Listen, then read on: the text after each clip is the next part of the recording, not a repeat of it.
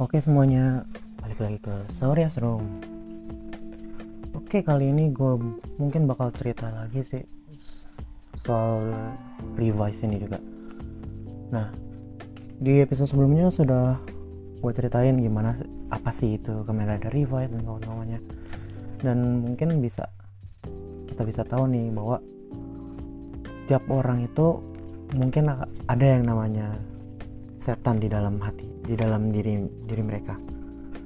Nah mungkin setelah gue udah menonton beberapa episode dan sekarang udah masuk episode ke 8 ya di sini gue juga menemukan bahwa cerita yang mereka angkat itu juga gak jauh-jauh juga dari apa yang gue ceritakan sebelumnya di mana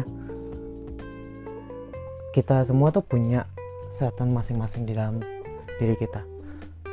Ya mungkin ada orang yang bilang itu shadow kalau misalnya kalian pernah main persona game persona ataupun ya bisa dibilang sisi lain sisi lain dari diri kalian. Gue pun juga sama gue juga ngerasain hal yang sama seperti itu. Di mana diri ah, gue bisa dibilang ada sisi diri gue yang bener-bener rebel tapi ada juga di sisi lain gue sisi gue sendiri yang yang meng, meng, mengikat dengan peraturan diri yang gue buat sendiri. Kalau gue juga ngeliat di episode di episode bahkan di episode 2 nya sih kelihatan juga bahwa kalau kalau kalian gak bisa kalau kalian gak bisa untuk mengendalikan setan dari diri dalam diri kalian itu akan keluar. Nah ini divisualisasikan dengan keluarnya satu monster yang dia yang keluar keluar keluarnya monster dari orang tersebut. Nah tapi ada juga di fase di mana orang itu sudah jatuh ke dalam kegelapannya sendiri sehingga orang itu bergabung dengan monsternya sehingga menjadi monster phase 2 dibilangnya di sini. Beberapa Nah, di sini juga ngelihat bahwa kita ngelihat bahwa revise itu pun juga mengerti ya keadaan yang dirasakan oleh orang itu, tapi juga tidak bisa menyalahkan orang tersebut untuk langsung meledak, meledak di situ. Ini sama hal kejadiannya kalau kita lihat di di kehidupan kita mungkin ada orang-orang yang emosinya terlalu meledak sampai bisa ngerusak ngerusak apa pun meski baik itu suasana barang atau bahkan kayak melukai tidak sengaja melukai hati seseorang. Nah di sini pun bah, dilanjut lagi bahwa pengendalian emosi itu juga penting dalam hidup. Karena kita bukan manusia manusia ini bukanlah makhluk yang bisa sos yang bisa solider terus-terusan dan masih bisa untuk bertahan hidup mungkin akan ada satu dua akan ada satu dua interaksi yang mungkin nggak terlalu banyak sehingga akan bingung gitu orang-orang di situ. Nah dari sini pun juga gue berpikir bahwa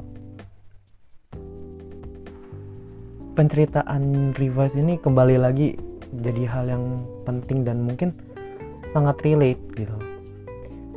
Di mana meskipun ini shownya itu ditayangkan untuk anak-anak kecil gitu ukur umur syukur seumuran SD SMP lah.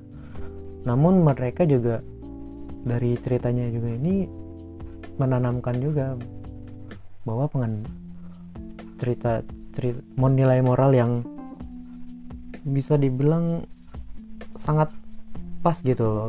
Dan juga orang tua pun juga bakal berpikir hal yang hal yang sama mungkin. Gue juga nggak terlalu ngerti dengan gimana pemikiran orang tua orang-orang orang tua orang tua yang ada di Jepang ataupun yang mungkin orang lain yang tapi dari opini yang gue sampaikan saat ini adalah ini sangat relate banget dengan kehidupan dan di mana ada beberapa episode dan juga episode episode episode ada beberapa episode di mana adiknya dari Revice ini dari Revive-nya itu yaitu Igarashi Daiji itu mal sudah memiliki setan di dalam diri dia. Tapi beda dengan dengan Vice yang bisa keluar kapan aja dan bisa mau ngobrol dengan Iki. Nah Daiji ini nggak bisa nggak bisa mengendalikannya sehingga dia bisa dibilang dikontrol dengan oleh si setannya ini. Nah yang yang bernama Kagero. Unik juga di mana yang satu memiliki memiliki setan dan mampu setidaknya bisa mengen, mungkin setengah mengendalikan ya setengah mengendalikan setengah men mengendalikan setannya. Namun ada juga dia yang tidak bisa mengendalikannya sehingga malah kebalik yaitu setannya yang mengendalikan dia. Itu bener-bener mengagetkan juga sih. Di mana jarang juga secondary rider itu adalah bisa dibilang entah itu anti hero entah juga musuh bisa dibilang seperti itu lalu ada juga rider ketiga di mana di mana rider ketiga ini adalah pemimpin dari pimpin pimpinan da, pemimpin dari Daiji. Dan dia di episode 1 itu berusaha untuk menyelamatkan orang-orang namun gagal. Malah menambah musuh di mana stempel vice time ini bisa berguna untuk berubah tapi dia juga jika tidak bisa digunakan oleh orang yang memiliki kemampuan tertentu entah itu itu sampai sekarang masih belum ketahuan sih gimana caranya dia bisa berubah dengan or orang tertentu gitu. Namun di episode selanjutnya selanjutnya dan selanjutnya dia akhirnya mendapat berubah sehingga dia bisa berubah menjadi Kamen Rider juga hmm, mungkin konsepnya hampir sama dengan Igarashi, Igarashi Daiji di mana dia punya punya setannya itu. Namun di sini agak sedikit rancu di mana setannya ini agak gak ketahuan dan mungkin karena di episode pertama dia sudah mengeluarkan desa setan dari dalam dirinya sehingga dia bisa berubah menjadi Kamen Rider dengan sistem dia yang benar-benar oh, demi keadilan gitu.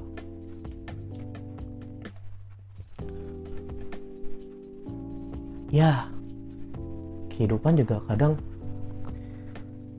bisa ngebuat setan dalam diri kita itu bisa naik dan juga bisa dibilang mengacaukan segala hal. Tapi hal yang harus kita ingat adalah daripada kita mengacaukan hal-hal tertentu hanya karena kita tidak mampu untuk mengendalikan mengendalikan setan yang ada dalam diri kita, seenggaknya kita bisa untuk mengendalikan setan yang berusaha untuk memahami setan yang ada dalam diri kita. Kok setan bisa, kok setan dipahami? Karena awal mula dari setan yang ada di dalam diri kita itu bukanlah setan seperti yang ada di kisah-kisah gitu loh. Di mana setan yang berada dalam dari dalam dari neraka naik ke atas habis itu possessing manusia enggak setan ini adalah emosi emosi emosi dari kit, diri kita yang nggak bisa kita kontrol sehingga mereka tetap bertahan dan menjadi istilah saat ini mungkin bisa dibilang stres ya. Stres dalam diri kita yang nyebabin kita bisa berubah dari perso personality kita yang aslinya goofy habis itu easy going tiba-tiba menjadi orang yang marah habis itu oh nggak suka dengan ngelihat orang lain bahagia. Nah itu yang bisa dibilang titik-titik yang ngebuat emosi kita. Dalam hal ini dalam cerita Kamen Rider ini bisa dibilang setannya ya. Emosi yang menumpuk menjadi yang dan juga stres yang menumpuk seperti itu itu bisa ngerubah orang-orang. Relate kan? Ya mungkin orang-orang ada yang bilang ah ini mah cuman paksa apa cuman ngada-ngada cuman cocokologi cocokologi. Tapi kalau kalau kalian lihat kalau kalian tonton ya aku gue sih nggak kan aku dan gue gue kadang juga nggak pakai gue kadang juga pakai aku. Dari sini juga kelihatan bahwa semua cerita yang diangkat diangkat gitu loh. Itu gak bisa dibilang gak cuman sekedar fantasi dari orang dari si penulis dari si penulis ya. Kadang mereka juga tidak sengaja mungkin sengaja juga memasukkan unsur-unsur yang relate di dunia nyata gitu Nah, dari situ juga kita harus mengetahui bahwa cerita yang dibuat untuk anak-anak pun juga bukan berarti bukan berarti kita nggak bisa ngambil pesan moralnya. Bahkan dari beberapa cerita-cerita yang mungkin disuguhkan untuk anak-anak gue pun masih bisa melihat di situ ada pesan moralnya. Ya mungkin kalau yang komedi yang bener-bener komedi ya aku melihatnya bahwa itu adalah sebuah hiburan untuk mereka. Tapi untuk Kamen Rider ini nggak cuman dia dia nggak cuman sekedar action. Tapi dia juga memasukkan unsur unsur-unsur lainnya di situ. Dalam hal ini Revise itu mengambil unsur ke keluarga bukan kekeluargaan. Keluarga di mana di episode sebelumnya udah ceritain mungkin gue ceritain dikit lagi ya. Iki ini sangat ingin membantu keluarganya sehingga dia melepas semua mimpi-mimpinya untuk membantu keluarganya membantu urusan bisnis keluarganya. Dalam hal ini adalah pemandian umum. Nah dari situ ada orang yang yang ingin sekali melanjutkan keluarganya dan bisnis keluarganya dan melepas semua mimpinya. Di dalam cerita itu juga diketahui bahwa ada setan ada setan atau bisa dibilang bisa sih bilang setan ataupun iblis di sini ya, yang keluar dari emosi ber, emosi manusia yang tidak terpendam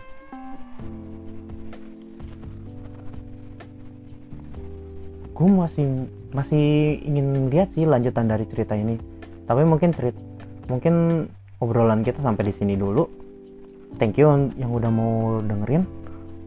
Sampai jumpa di episode berikutnya. Bye bye